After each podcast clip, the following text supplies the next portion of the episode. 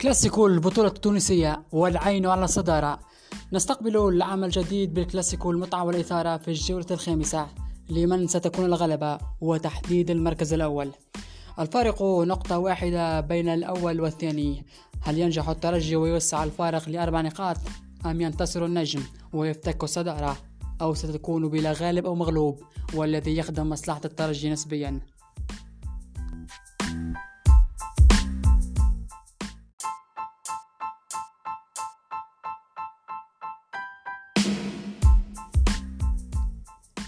بالأرقام في الأربع جولات ثلاثة انتصارات للترجي والنجم هزيمة للنجم وتعادل للترجي الترجي مسجل خمسة أهداف واستقبل دفاعه هدفان أما النجم مسجل ثمانية أهداف واستقبل مرماه أربعة أهداف.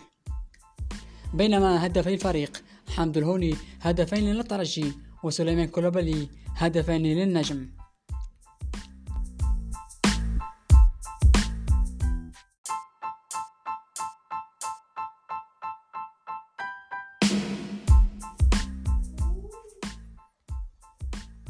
العداوة بين تشيلسي وتوتنهام تاريخها أسبابها استمرارها. في كأس إنجلترا 1967 في أكبر بطولة عند الإنجليز وقتها كانت تشيلسي وتوتنهام في نهائي وهي أول مرة يكون فيها طرفي الكأس لندنيين. في ذلك العام تعاقد توتنهام مع لاعبين مهمين من تشيلسي جريفز فينابلز بوبي سميث. فاز بالنهائي وقتها توتنهام. وكان من الصعب عن جماهير تشيلسي أن ترى وأن تتحمل رؤية سميث وفينابلز وجريفز يحملون الكأس ويحتفلون مع سبيرز. ولك أن تتخيل أن جيمي جريفز 266 هدفا وبوب سميث 208 هدف أصبح الهدافين التاريخيين لتوتنهام. جاء عام 1990 مباراة مصيرية لتشيلسي عليه أن يحقق الفوز في ستامفورد بريدج على توتنهام حتى لا يهبط للدرجة الثانية. تشيلسي سجل هدفين وألغاهما الحكم بشكل غريب. توتنهام سجل هدفين وهبط تشيلسي. الغريب أن من يومها لم يفز توتنهام على تشيلسي في البريدج 30 سنة. عام 2012 توتنهام يقدم موسم مميز ويحقق المركز الرابع ليضمن التأهل للأبطال حصلت المفاجأة وتحقق حلم كل تشيلساوي الفوز بدور الأبطال. وحرمان توتنهام من التأهل للأبطال. لم ينتهي ثأر تشيلسي بعد. موسم استثنائي لتوتنهام. مباراة مسيرية ضد تشيلسي فوز توتنهام يضمن لهم لقب. تشيلسي يتعادل في الشوط الثاني 2 2 ويحرم توتنهام من اللقب. هي كانت كارثة حقيقية على رأس كل مشجع توتنهامي. توتنهام يتعاقد مع المدرب التاريخي لتشيلسي H One ال Happy One. تشيلسي مدربهم أكثر لاعب يحبه مورينيو لامبارد. لامبارد يأخذ مورينيو رايح جاي. ذهابا وإيابا. ويفوز عليه. التلميذ هزم الأستاذ. الجولة العاشرة توتنهام 2 تشيلسي 3 هل يؤكد عام المنافسة على لقب الدوري؟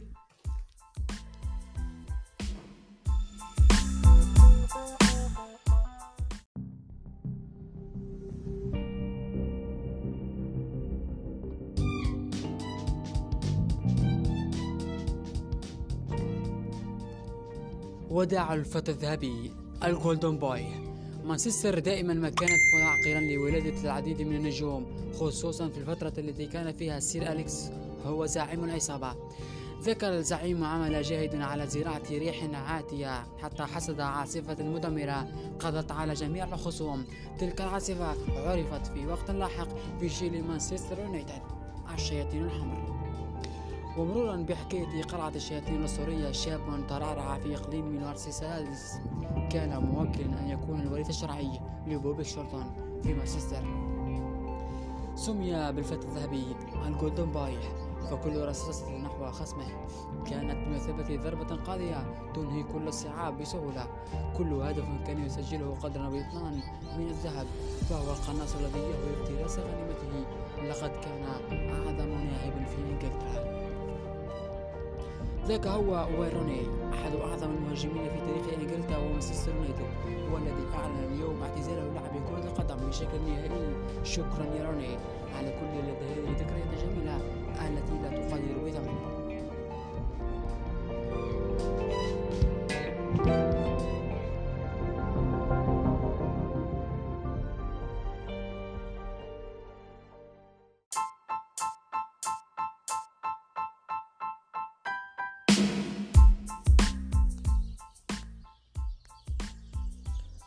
وداع الفتى الذهبي. مانشستر دائما ما كانت معقلا لولادة العديد من النجوم خصوصا في الفترة التي كان فيها السير أليكس فيرغسون هو زعيم العصابة.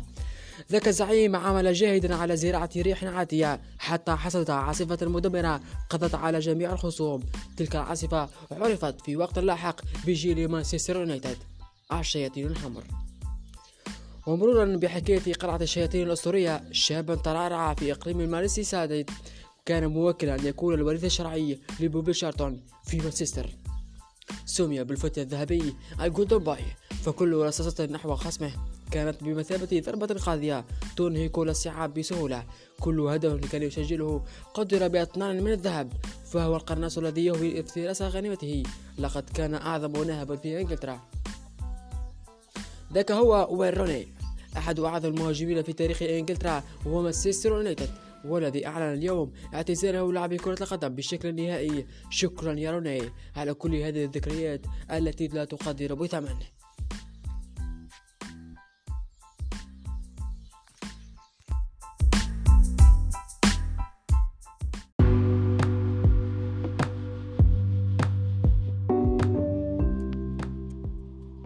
ريال مدريد ماذا بعد زين زيدان؟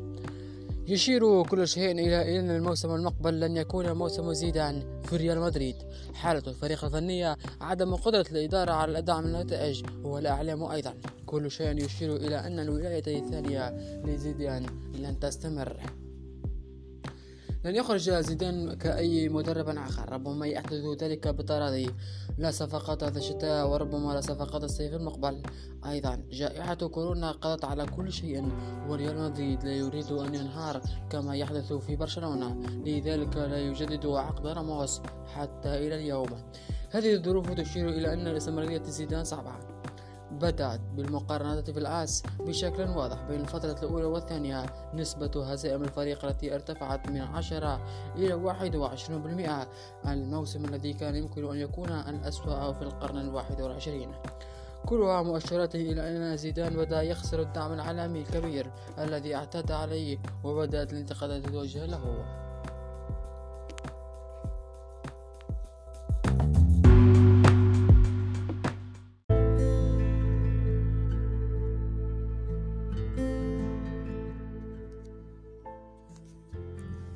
في مغامرته ببافاريا في لحظة حساسة مع حاجته إلى قلب دفاع بالنصف الثاني من الموسم 2015-16 اضطر بيب جواردولا أن يخترق قلب دفاع جديد.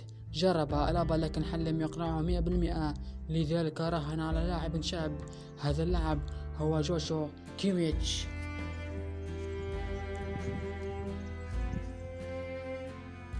لم تكن العروض الأولى إيجابية.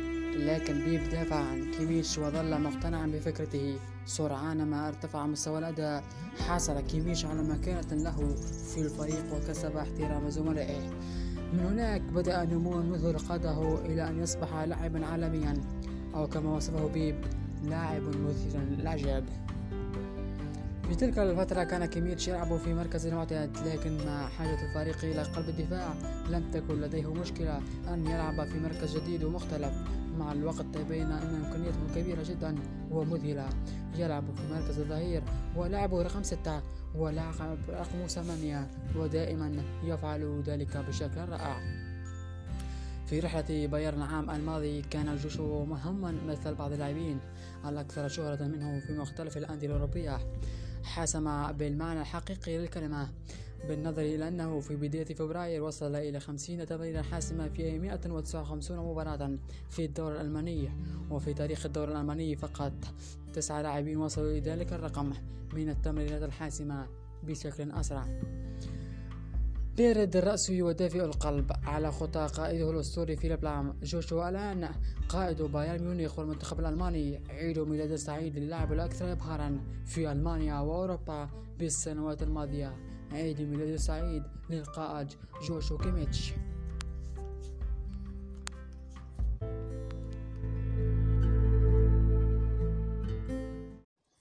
مستحيل! هذا لا يحدث كل يوم.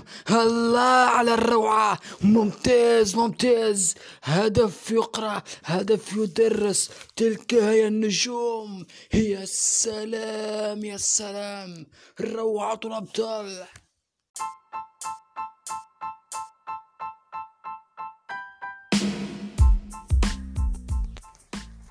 غيابات بالجملة في قائمة ريال مدريد لمواجهة خطافي في الدوري الإسباني.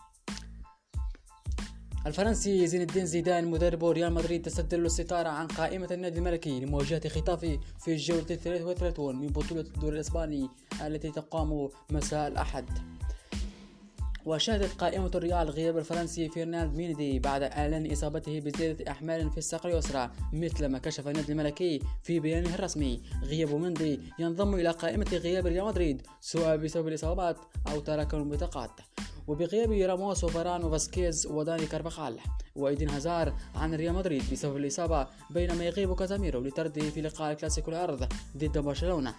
ويرجع غياب ناتشو لتنفيذ عقوبة تراكم البطاقات الصفراء ليضع زيدان في ورطة كبيرة في الخط الخلفي للنادي الملكي. وشهدت القائمة تواجد لاعب الكاستيا فيكتور تشوست المدافع الذي سيعتمد عليه زيدان في لقاء خيتافي رفقة البرازيلي إيدير ميليتاو. مثل ما فعل مع قبل أمام ألكويانو في كأس الملك إسبانيا المباراة التي شهدت إقصاء الميرينغي من البطولة. وينضم هازارد لقائمة الغيابات في ظل عدم تعافيه بشكل كامل مع الإصابة التي لحقت به أثناء تواجده مع منتخب بلجيكا في فترة التوقف الدولي. واستدعت زيدان 16 لاعبا في مهمة حصد النقاط الثلاث لمواصلة المنافسة على لقب الدوري الإسباني. وجاءت قائمة ريال مدريد لمواجهة خطافي على هذا النحو. ومن جهة أخرى علق زيدان على خلال المؤتمر الصحفي لما قبل مواجهة خطافي قائلا لعب في الأسابيع الأخيرة وهو ملتزم مع الفريق ولعب بشكل رائع وأعتقد أن جميع اللاعبين يرغبون في المشاركة بكثرة وهو مستعد وهذا هو الأهم. جدير بالذكر أن ريال مدريد يحتل المركز الثاني في ترتيب جدول الدوري الإسباني برصيد 66 نقطة ويتصدر أتلتيكو مدريد القمة بإجمالي 67 نقطة ويأتي برشلونة في المرتبة الثالثة ب 65 نقطة.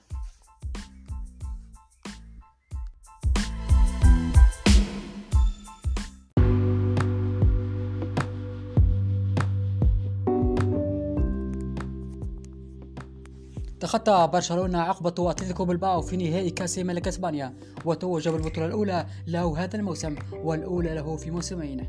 وفاز برشلونة على بالباو برباعية نظيفة تناوب عليها كل من تيو غريزمان وفرينك دي يونغ ولون ميسي بهدفين.